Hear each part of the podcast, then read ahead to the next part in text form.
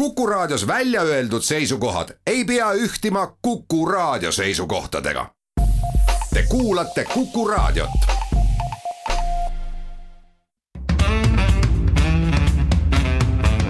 muuli ja Riikoja tere päevast, head kuulajad, kell on kaheksa minutit üksteist läbi, et on reedene päev, siis loomulikult ka saate Muuli ja Riikoja aeg ehk Kalle Muuli, Hindrek Riikoja on stuudiosse tulnud. tere päevast. alustame tänast äh, tänast saadet kokkuvõtlikult võib siis öelda vist, et eelkõige nendest inimestest, kes tulevad Eestisse kas tööle või õppima ja regulatsioonidest, mis siis justkui milles, justkui ollakse kokku lepitud, aga samas vist nagu ikka ei olda kah.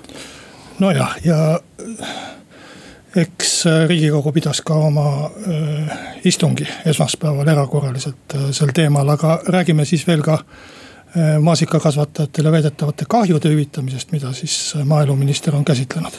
räägime tänases saates ka koroonapiirangute leevendamisest, kuigi siin viimaste päevade statistika just selliseid ütleme optimismi ei süsti. nojah, äh, kahe päeva tulemusi nüüd hakkame tõlgendama, aga, aga võib-olla, siis väike tagasivaade aga hästi väike, eks ju, Indrek. väike tagasivaade võib-olla ka EKRE kongressile, kus siis äh, isa andis teatepulga üle pojale erakonna juhtimiseks. jah, nagu Monika Helme ütles, et astuti selline nüüd äh, nii-öelda vabalt tõlgendades tema öeldust, et astuti aristrokaat, aristro- aristokraatlik samm. seda me oleme siin ennegi rääkinud, et ei maksa võõrsõnu kasutada, kui ei tunne neid. sellest, kas Priit Hõbemägi, meie hea kolleeg, sobib Ringhäälingu nõukogusse, tahtsid sa, Kalle, ka kindlasti rääkida. ja võib-olla, et viimase teemana siis räägime Laagna tee õnnetusest veel kord, kus on siis ka üks äh, autojuht vahi alla võetud äh, kaheks kuuks, kes tegelikult õnnetuses ei osalenud otseselt, aga kes selle põhjustamisele kaasa aitas. muuli ja Riikoja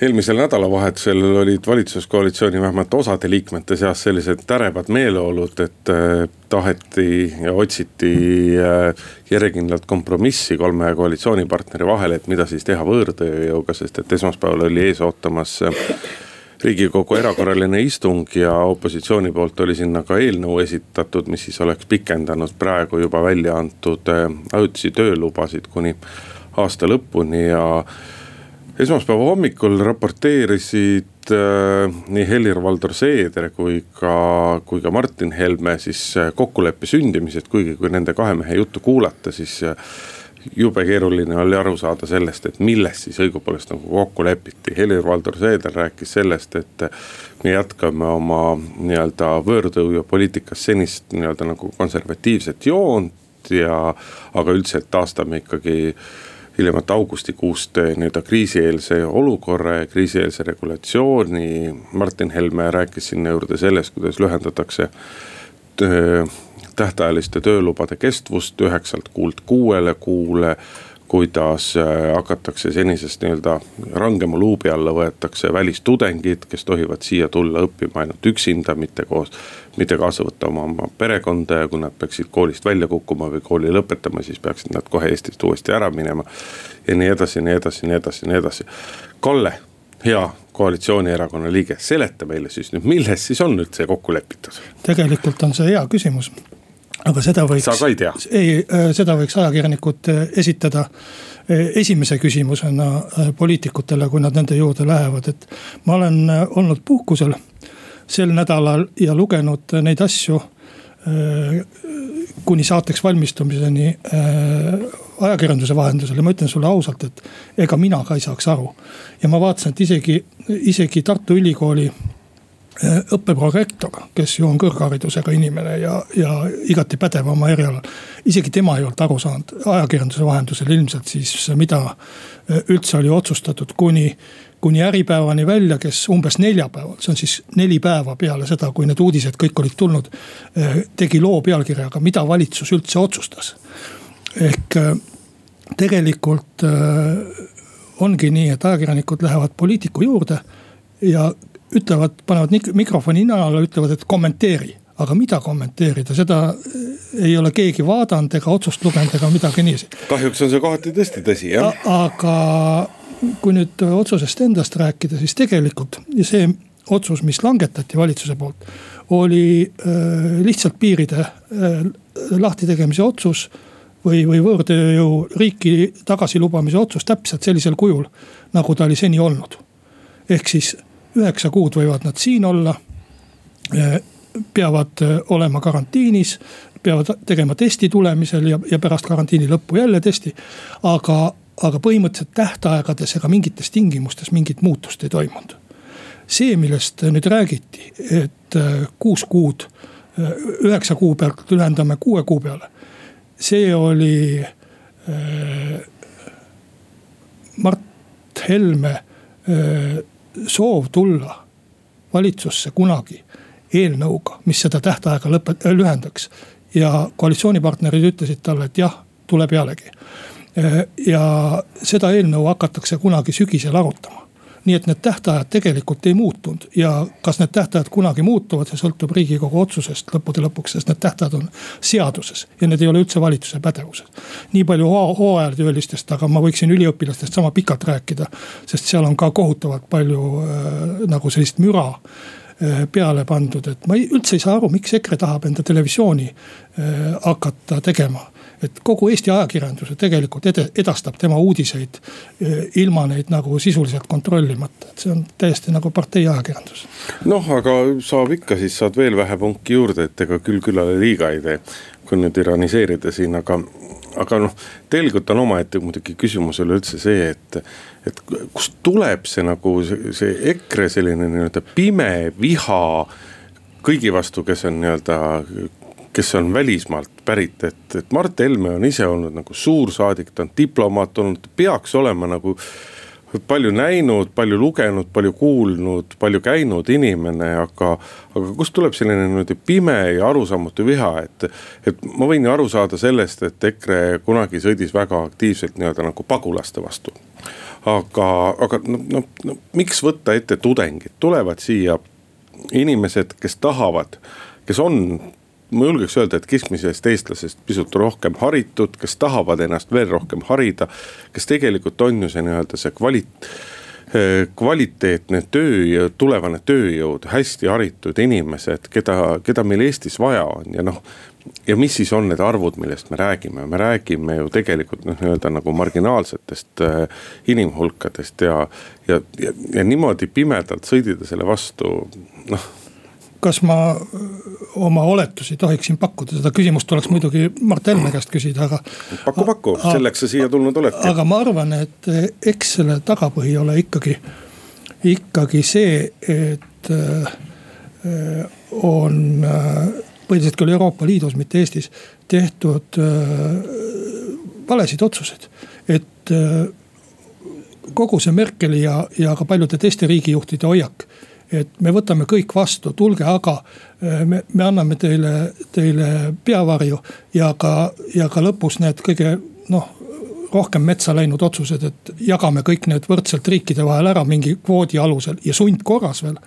et see on tekitanud ikkagi sellise vastulöögi, igale jõule tekib vastu, vastujõud ja, ja minu meelest äh, kui sa, kui sa surud rahvastele peale sellist mingisugust täielikku lollust, mis tegelikult oli lollus. et no tulgu need seitsekümmend miljonit aafriklast kasvõi siia äh, meie koju elama. et, et siis no,. päris niimoodi muidugi ka Euroopa paratamatult tasand. teiselt poolt tekib täpselt samasugune selline äh, liialdatud, üldistav ja, ja, ja, ja mitte, mitte väga neid kategooriaid eritlev suhtumine, et kõik kui on must, näita ust, et, et äh, mõlemad on äh, absurdsed hoiakud. noh, tegelikult taandub see kõik ikkagi siiski sellele, et nii-öelda keskmine valija kahjuks ei ole mitte väga nutikas ja, ja veel vähem on temal soovi, aega, tahtmist ja suutlikkust süveneda sellesse, mis tegelikult toimub, et millistest äh, sisserändajatest me peaksime midagi pelgama ja milliseid sisserändajaid me pigem peaksime äh, peaksime siia tahtma, kuidas nad äh, meie riigile kasu võiksid tuua ja nii edasi. et sellest keskmine valija aru ei saa ja, ja EKRE lihtsalt Helme juhtimisel äh, mängib nendele kõige nii-öelda madalamatele tunnetele ja kõige nii-öelda mustvalgematele lahendustele et ega siis, kas siis EKRE-t tegelikult ju siis ei huvita see, kui palju siia tuleb võõrtöölisi ja välistudengeid või kedagi kolmandat, neljandat, neid huvitab ikkagi ainult see, et saaks võimalikult rohkem hääli.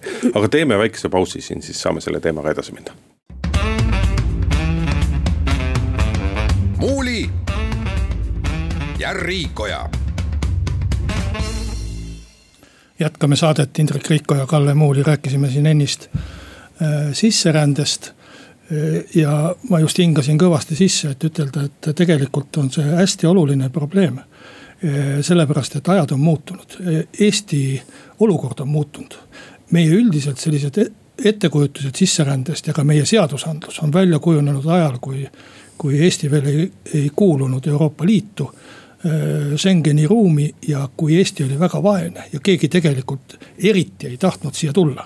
Aga.... no sellest hoolimata siiski nii-öelda siia tulemine on tehtud üksjagu keeruliselt, eks äh, äh, ja, ja, ja nüüd on olukord muutunud, nüüd tahetakse siia tulla ja ja üsna palju ja, ja eri, eriti vaesematest riikidest, kust meie jälle väga ei tahaks võtta, eks. no ei ole nagu paista, et väga tahetakse, et tuletame siiski seda, neid samu kvoodipagulasi meelde, et enamus nendest läks ju siit kohe ära. no kui, kui on valik seda. Saksamaa ja, ja Eesti vahel, siis muidugi, aga üldiselt ega ukrainlased on ukse taga, venelased on ukse taga.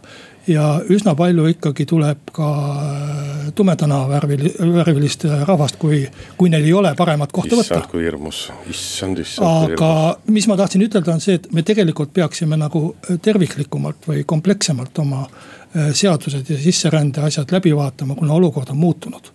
ja, ja seda peaksime sellise rahuliku tooniga arutama, mitte niiviisi, et Äh, sina oled kaabakas ja, ja sina oled lurjus ja tahad Eesti riiki maha müüa. Et äh, nii nagu äh, pererahvas ikka arutab, et keda õhtuks külla kutsuda või keda sünnipäevale kutsuda, et sellises, sellises rahulikus õhkkonnas peaks vaatama oma, oma sisserände asjad ka üle. aga noh, kõigepealt siis tudengitest, mis oli teine teema millest äh, ka palju kommentaare anti, et ja, ja täpselt samasuguseid kommentaare asjadest, mida tegelikult ei ole valitsus otsustanud. ega plaaninud otsustada, et, et äh, valitsus on tegelikult kokku leppinud või koalitsioon on kokku leppinud kahes asjas. et äh, pererände piiramine ehk siis pere saavad kaasa võtta, pere saab koos võtta või õigemini lapse saab kaasa võtta ainult üksikvanemast tudeng. et ei saa endale tervet suguseltsi ega ka, ka peret siia enam kaasa võtta, kui sa tuled ülikooli õppima.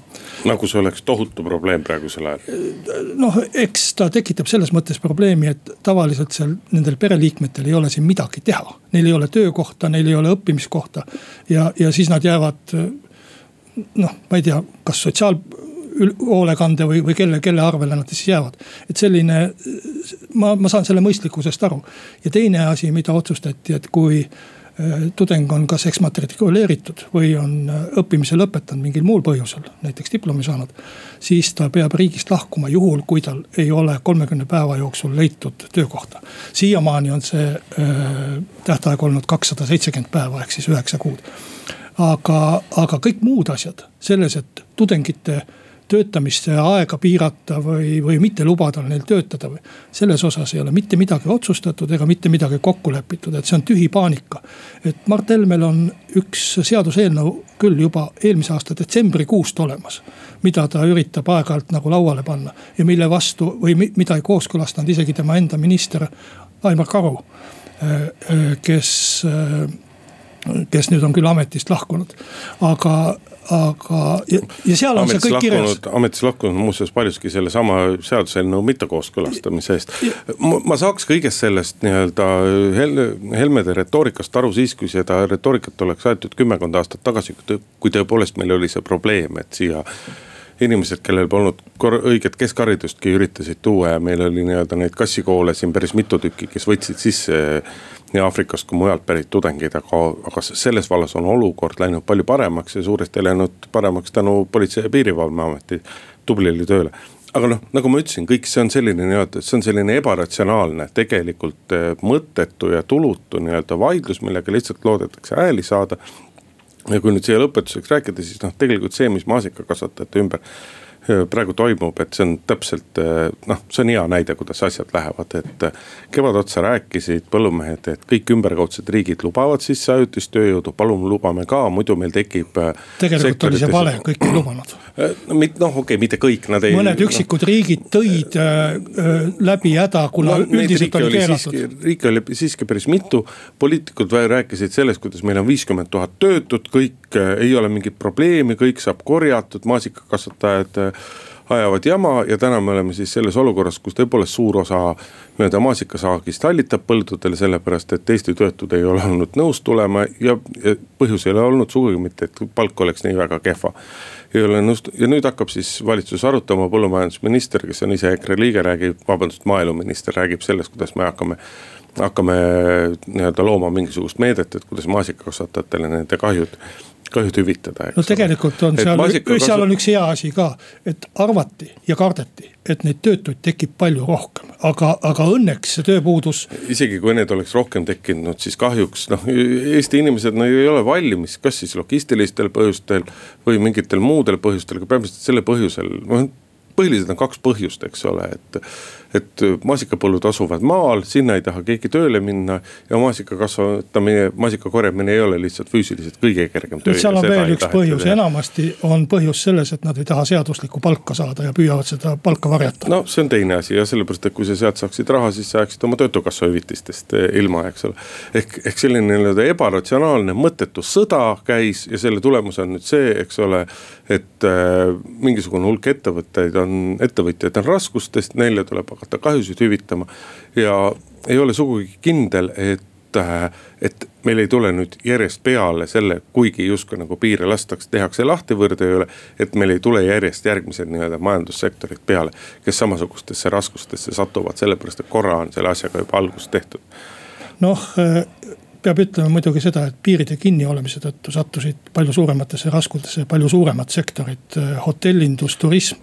ja et, kellele on, kellele kõigile on ka noh eraldatud selle jaoks raha, et loomulikult et, alati mitte piisavalt, aga siiski üht-teist. et ma arvan, et ega eh, selle haiguse kõrgharjal oleks ikka jabur olnud tuua siia veel inimesi juurde. vot see oli, tollel hetkel ma siin saates ütlesin ka, et see on jabur sellepärast, et meil on põllumajandussektor, kes ei küsi raha, vaid küsib, et laske meile inimesed tööd tegema ja valitsus ei olnud sellega nõus ja nüüd peab valitsus valitsus raha maksma. muuli ja Riikoja. Läheme oma saatega edasi, Kalle Muuli ja Hindrek Riik on stuudios viimased äh, kaks päeva, eile, üleeile tõid mõlemad teated kaheksast uuest koroonaviirusesse nakatunust ja ühel päeval oli oli, osa inimesi oli tulnud ühelt sünnipäevapeolt, kus oli osalenud ka haigustunnustega Venemaalt pärit võib vist öelda siis kaugsõiduautojuht, eks ole, sest et nemad saavad ka üle Venemaa piiri. no kui sa Ivangoradist tuled, siis ma nagu väga kaugsõiduks seda ei nimetaks, aga hea küll. pikamaa, ei pikamaa siis ka ei sobi, eks ole, veoautojuht, ütleme siis lihtsamalt Lühi,. lühimaasõitja. eile otsustas valitsus leevendada pisut ka koroonapiiranguid, mis siis puudutab eelkõige nii-öelda üritusi ehk nii siseüritustel kui välisüritustel. siseüritustel võib edaspidi siis olla kuni tuhat inimest, välisüritustel kuni kaks tuhat inimest lähtuma peab viiekümne protsendise täituvuse nõudest ja sotsiaalset distantsi soovitatakse ka ikka hoida, mida iganes see siis enam ka tähendaks, sest et kaks pluss kaks reeglit enam nii-öelda nagu ametlikus käibes justkui ei ole ja no ega siin ei oska midagi uuemat öelda, et noh, see sünnipäevane pidu näitab jälle, näitab jälle seda, et, et inimesed, olge mõistlikud, inimesed, olge ettevaatlikud. ma ei tea, mis keeles ja kellele sa seda pead ütlema, kui tegemist on nagu Äh, välismaalt tulnud autojuhiga, aga äh, Irja Lutsar, kes on valitsust siiamaani nendes asjades nõustanud. Äh, viiruseprofessor vist küll protestis nende piirangute ja nende numbrite vastu, et liiga suured saavad. tegelikult ju, kui loogiliselt mõelda, siis Eestis seda viirust enam ei ole, see viirus saab siia tulla ainult üle piiri. no eks ta on siiski ka Eestis ka olemas. noh, ta on olemas just niiviisi, et nüüd üks autojuht tõi, nüüd viis või seitse või, või kaheksa inimest nakatusid. ja võib-olla nad nakatavad veel ühe või kaks edasi. ja, ja, ja sinna ta jääb, eks ju, sellepärast et äh, kui on jõudu korralikult isoleerida ja, ja karantiini panna ja nii edasi. ja, ja rohkem seda viirust ei ole, et, et ta sealt kuhugi äh, ei, ei satu, aga minu meelest see, mis on nagu ohtlik, ongi see, et kui sa teed suure rahvusvahelise ürituse sinna tuleb ka palju selliseid inimesi kokku sellistest kohtadest, kus võib seda viirust veel olla. kas sa nüüd viitad autoralli, autoralli etapile, mis äh, septembri alguses on toimunud? ma ei pidanud ühtegi konkreetset asja silmas, et, et mida, mida suuremaks me need ürituste piirangud äh, või lõdvemaks laseme, seda rohkem ka selliseid üritusi tekib eks inimesed peavad selles mõttes mõtlema, et äh, ma ise olen nagu mõelnud ja vaadanud, eelmisel nädalavahetusel käisin ühel sellisel väiksel võib öelda, et muusikafestivalil, noh, ma arvan, et inimesi oli natukene alla poole tuhande, ajusid maa peale laiali, keegi liiga, liiga tihedalt koos ei olnud, oli väga sulnis ja tore olemine. Noh, mingi festival, võib-olla mõni tuhat inimest, mitu erinevat lava ja nii edasi aga kui mõelda, et kas ma läheksin praegu näiteks Saku Suurhalli kontserdile, kus on kaks pool tuhat või kolm tuhat inimest või isegi kaks tuhat inimest. see ausalt öeldes tunne on küll selline, et ega vist ikka ei läheks. mina kuulun nende hulka, kes arvavad, et inimesed on üldjuhul mõistlikud arvasin seda teise samba puhul ja arvan kõikides muudes küsimustes ka, aga. eks sa kipudki vahel valesti arvama. aga äh, arvasin siis ja arvan ka praegu, et on olemas mingi väike osa protsent inimesi, kes ei ole mõistlikud. ja nendega on selline lugu, et ega sa ei saa nendele midagi seletada. et äh, kui üks autojuht on haige ja ta läheb äh, teadlikult oma haigusest, ikka läheb sinna sünnipäevale ja, ja kui sünnipäevalised äh, ei jookse sealt kuhugi minema. et see ongi noh näide ebamõistlikust käitumisest ja ega sa sellisele inimesele, sellele äh, kolme-nelja protsendi hulka kuuluvale inimesele kes, kellel puudub vastutustunne. et ma arvan, et nendele sa ei saa raadio kaudu, plakatite kaudu ega millegi kaudu selgeks teha. ja kui ta sinna üritusele läheb, siis on tegelikult äh, kõik need üritusel viibijad mingil määral ohus. noh, selge see, et ta kõigiga väga tihedalt ei suhtle, vaid äh, ikkagi mingite tuttavatega. aga, aga ma kardan neid suurüritusi väga, et kui kuskilt tuleb äh, see viirus meile suuremal hulgal tagasi, siis just sel viisil, et on mingid rahvusvahelised üritused. kuhu, kuhu tuleb palju inimesi kokku. eks me mäleta ju kõik, kuidas see viirus ka äh, suure hulgana siin Eestis algas täpselt samasuguse sündmuse kaudu. et see on see oht ja ma soovitaks ikkagi jätkuvalt kõigile, et kellel on kes kuuluvad nii-öelda sellesse riskigruppi, et nad äh, ei külastaks selliseid kohti kui vähegi võimalik. Muuli ja Riikoja räägime siis pisut ka nii-öelda eelmise nädalavahetuse järellainetusest. Äh, noh, kellelegi ei tulnud üllatuseks, et äh, EKRE uueks esimeheks sai, sai Martin Helme, isa Mart Helme asemel väga selgelt nii-öelda tehti tema kasuks tööd ja selles erakonnas on asjad kord juba nii, et kui ikkagi juht ütleb, et vot see on õige mees. Siis ka erakonna liikmed äh, kõike järjest teevad. mind nagu pani, mind aga hämmastas palju rohkem nagu see, kuidas äh, kuidas kõigepealt ütles äh, nii Mart kui Martin Helme ütlesid oma koalitsioonikaaslaste kohta avalikult ja väga halvasti. siis läksid rõõmsa näoga esmaspäeval koalitsioonipartneritega kokku saama, tunnistades ise küll, et näod olid olnud hapud, mis neile välja vastu vaatasid. aga noh, Martin Helme ütles, et seda ei maksa nagu südamesse võtta, et ega see oligi lihtsalt üks suur show, mida me tegime. et kui ühte erakonda ja selle juhte ei pea tõsiselt võtma erakonna kongressil, mis peaks olema kõige olulisem sündmus erakonna jaoks nii-öelda siseelu mõttes. et noh, millal siis veel peab seda nagu tõsiselt võtma, et see on see üks küsimus, mis minul tekib. ja teine küsimus on see, et, et noh no kas siis tõesti perekond Helme, Mart Helme on ikka rääkinud sellest, kuidas ta on hästi oma lapsi kasvatanud, aga kas siis nagu mingisugust nagu lastetuba ei ole, et. et noh, lihtsalt nagu elementaarne viisakus, et mul ei, mul ei tuleks Kalle pähegi, et ma siin sinuga nii-öelda igal reedel koos sõbralikult teeme saadet ja siis ülejäänud ajal mingitel koosolekutel ja asjadel ma räägin ikka, kui nõme mees see Kalle Muuli on.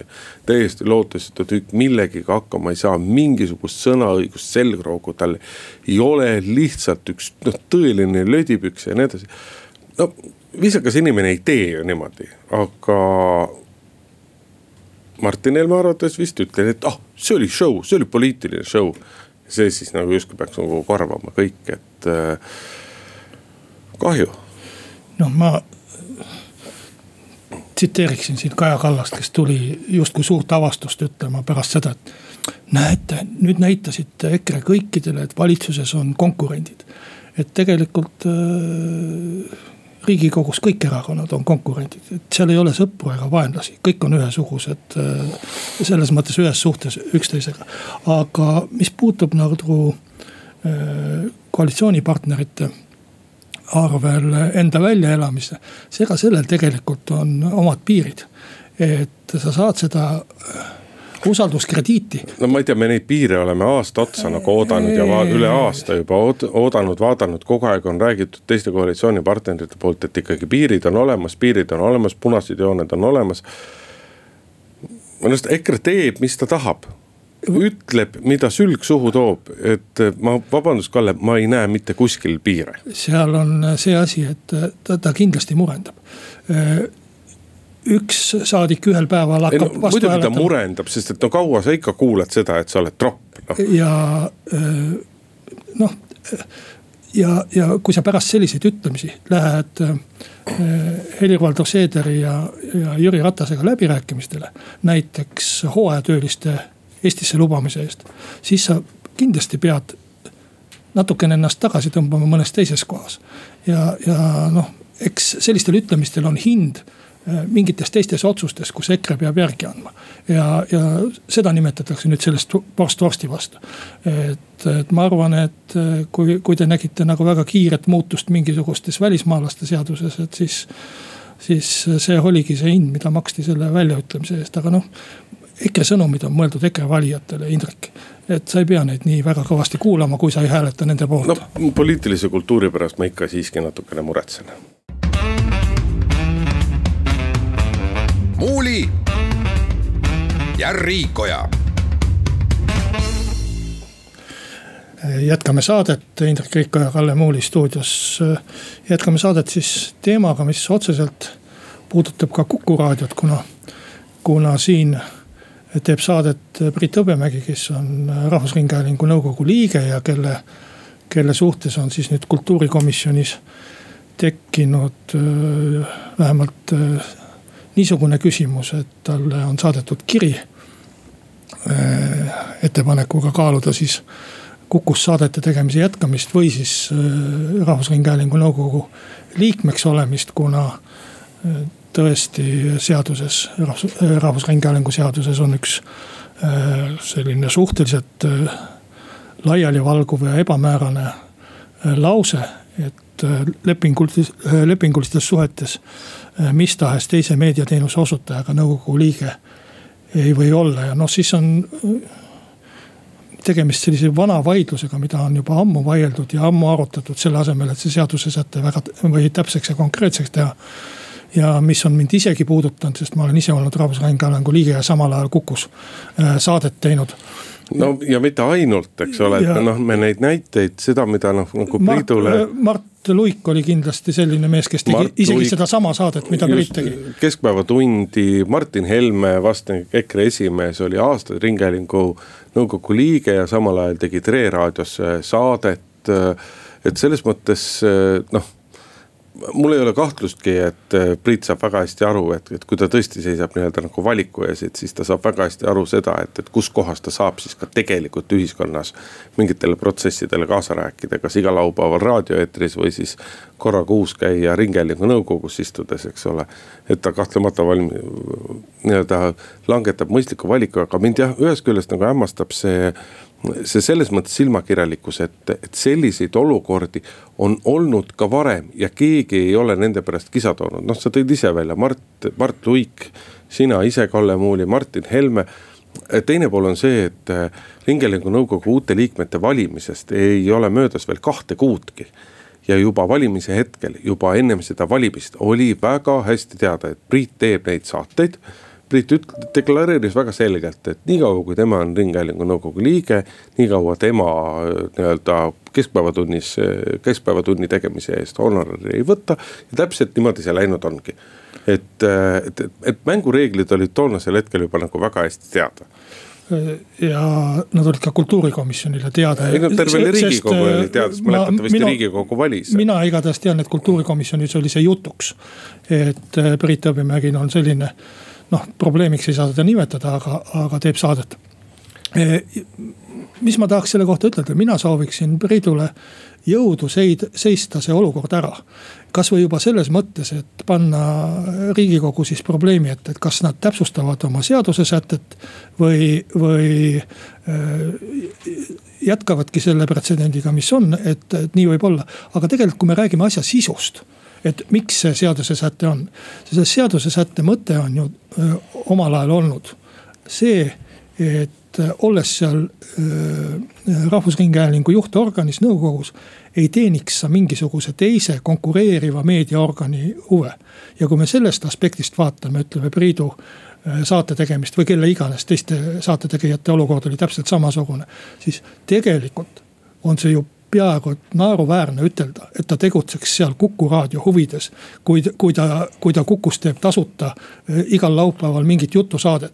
et noh, see, see, see, see oleks nagu sisuline sel juhul, kui võib-olla, et sina töötaksid seal keegi, kes on tõesti Kuku raadio selline hingega patrioot ja, ja töötaja. et siis ta läheb nagu Rahvusringhäälingu nõukogusse tegema mingeid otsuseid või saama mingit infot sealt. mis nagu kahjustaks Rahvusringhäälingut. see on teine külg, et noh, mida sa siis saad, et kogu lugupidamise juures Ringhäälingu nõukogu ees on ikkagi väga vähe asju väga vähe asju, mida ei oleks nii-öelda teistel meediakanalitel või avalikkusel võimalik suhteliselt lihtsa vaevaga teada saada. noh, mingisugusel hetkel võib-olla me ei tea, eks ole, Rahvusringhäälingu eelarveprojekte aga eelarved on lõpuks ikkagi kõik avalikud. ja kui käivad vaidlused mingisugustes põhimõttelisemates küsimustes, mida rahastada, kellele raha eraldada ja nii edasi. kõik see info on sisuliselt nii-öelda avalik ja sisuliselt on see avalikkusele kättesaadav. et noh, seda konflikti kohta seal tegelikult ei ole. ja selles mõttes noh, ei ole mõtet põhimõtte, kunagi ei ole mõtet jonnida ainult põhimõtete pärast, kui sellel nii-öelda nagu mitte mingisugust sisulist nagu tulemit või kaalutlust taga ei ole. ja, aga ma arvan, et, et, et seaduses võiks ikkagi ära täp-, täpsustada. mida, mida tähendab lepingulistes suhetes. ma võin Kuku raadiolt lõpuks korterit ka üürida. et kas, kas see nagu ka takistab äh, mul töötamist Rahvusringhäälingu nõukogus? ja noh, ei tohi ära unustada, et kui Rahvusringhääling, kui riigikogu tõesti tahab, et Rahvusringhäälingu nõukokku kuuluksid eksperdid, viimastel valimistel ta muidugi demonstreeris. et riigikogu need eksperdid ei huvita, aga kui nad tahavad, et eksperdid oleks, siis Eesti meediamaastik on nii väike, et siin paratamatult kõik tunnevad kõiki. kõik teavad kõiki, et, et et ei ole mõtet ennast lihtsalt kitsendada selliste tingimustega. muuli ja Riikoja saate lõpetuseks räägime kiiresti nii-öelda järelkajana kuulsat või noh, kurikuulsast Laagnade õnnetusest, kus siis mäletatavasti üks äh, põhjustamises kasutatav noormees, kahekümne aastane, kihutas Laagna teel äh, ligi kahesaja kilomeetrise tunnikiirusega oma valge BMW-ga. ja kaks inimest hukkus sealt tekkinud liiklusõnnetuses ja sellel nädalal võttis kaheks kuuks politsei vahi alla siis veel ühe autojuhi. nimelt äh, ennem seda õnnetust äh, BMW juht äh, nimi on keele peal, aga ei taha välja tulla, kihutas võidu ühe kollase Camaroga. Halimov oli ta nimi, ei, ma võin ka eksida. just ja nüüd on siis ka selles, selle kollase Camaro juht, kahekümne üheksa aastane noormees, kellel on mitmeid karistusi eelnevate liiklusrikkumiste eest ja oli ka veel kehtivad karistused oli tal on tema võetud kaheks kuuks vahi alla, süüdistades siis nii-öelda nagu õnnetuse kaaspõhjustamises mis iganes on see juriidiliselt korrektne terminoloogia, et eks kõrvalt vaadates muidugi jääb pisut arusaamatuks, et milles teda süüdistatakse ja kuidas seda süüd tõendatakse. aga eks kohtus näitab, minu arust olulisem on pigem see nii-öelda nagu märgiline käitumine ja just nimelt äh, märgiline selles mõttes, et äh, et kui sa teed midagi nii-öelda nagu täielikult lubamatut liikluses, siis isegi kui selle tagajärjel keegi viga ei saa või keegi ei hukku, siis äh, noh, kuidagi peab öö, liikluskultuuritust ohjama ja see on, ma arvan, on päris tõhus samm selline. no minu meelest on see ka loogiline. noh, esiteks, kui sa siin kohut mainisid, ega siis eh, kaheks kuuks ei võetagi ilma kohtuta vahi alla, kohus annab ikkagi loa selleks vahi alla võtmiseks. mis tähendab, et nii-öelda tõendid ja põhjendused on olnud piisavalt veenvad, sest et kohus kunagi. piisavalt veenvad selleks, et karta, et ta paneb toime uue samalaadse teo. Eh, ja ma arvan, et selles on ka loogika, et kui sul on ja, ja seda loogikat võiks äh, isegi laiendada minu meelest, et kui sul on kehtiv karistus, liikluskaristus. ja sa paned äh, toime uue tahtliku liiklusrikkumise, siis võiks ju nagu mõtelda ja eeldada, et, et miski ei välista, et sa veel teed seda ja, ja veel teed seda, kui sa öö, oled vabaduses ja, ja pääsed autole ligi. et selles mõttes ma arvan, et seda võiks täiesti rahulikult ka Äh, laiemalt rakendada nende inimeste suhtes, kes on tahtlikult ja sihilikult ja, ja noh, ilmselgelt äh, rikkunud liiklust ja teevad seda sel ajal, kui nad, neil juba on karistatud selle eest. et see näitab, et tegelikult need karistused, mis on rakendatud, ei hoia ära ega, ega kutsu inimest mõistusele ega, ega ei ole ka mõjunud. ja sellepärast ma arvan, et selline isoleerimine eelkõige autost, aga võib-olla ka tänavast Äh, trellide ja, ja mingi lukustatud uksega on täiesti asjakohane ja mõistlik tegevus. on olnud ka esimesi kriitikuid, kes on nii-öelda politseid või prokuratuuri süüdistanud ülereageerimises, aga. ma tahaks neile inimestele siiski meelde tuletada, et me ei räägi siin sellest, et keegi ületas kümme või kakskümmend kilomeetrit lubatud sõidukiirust me räägime sellest, et sisuliselt Linna tänaval, tiheda liiklusega Linna tänaval lihtsalt kaks meest otsustasid võidu sõita ja otsustasid võidu sõita kaks-kolm korda kiiremini, kui lubatud on, et Laagna tee seitsekümmend kilomeetrit tunnis on seal kiiruspiirang, noh linnalistes oludes nii-öelda on see tavaliselt maksimum, mis lubatakse. aga seal sõita nagu ligi kahesajaga siis äh.... see näitab, et nad kuuluvad selle kolme-nelja protsendi hulka, millest ma nagu siin enne rääkisin pikalt.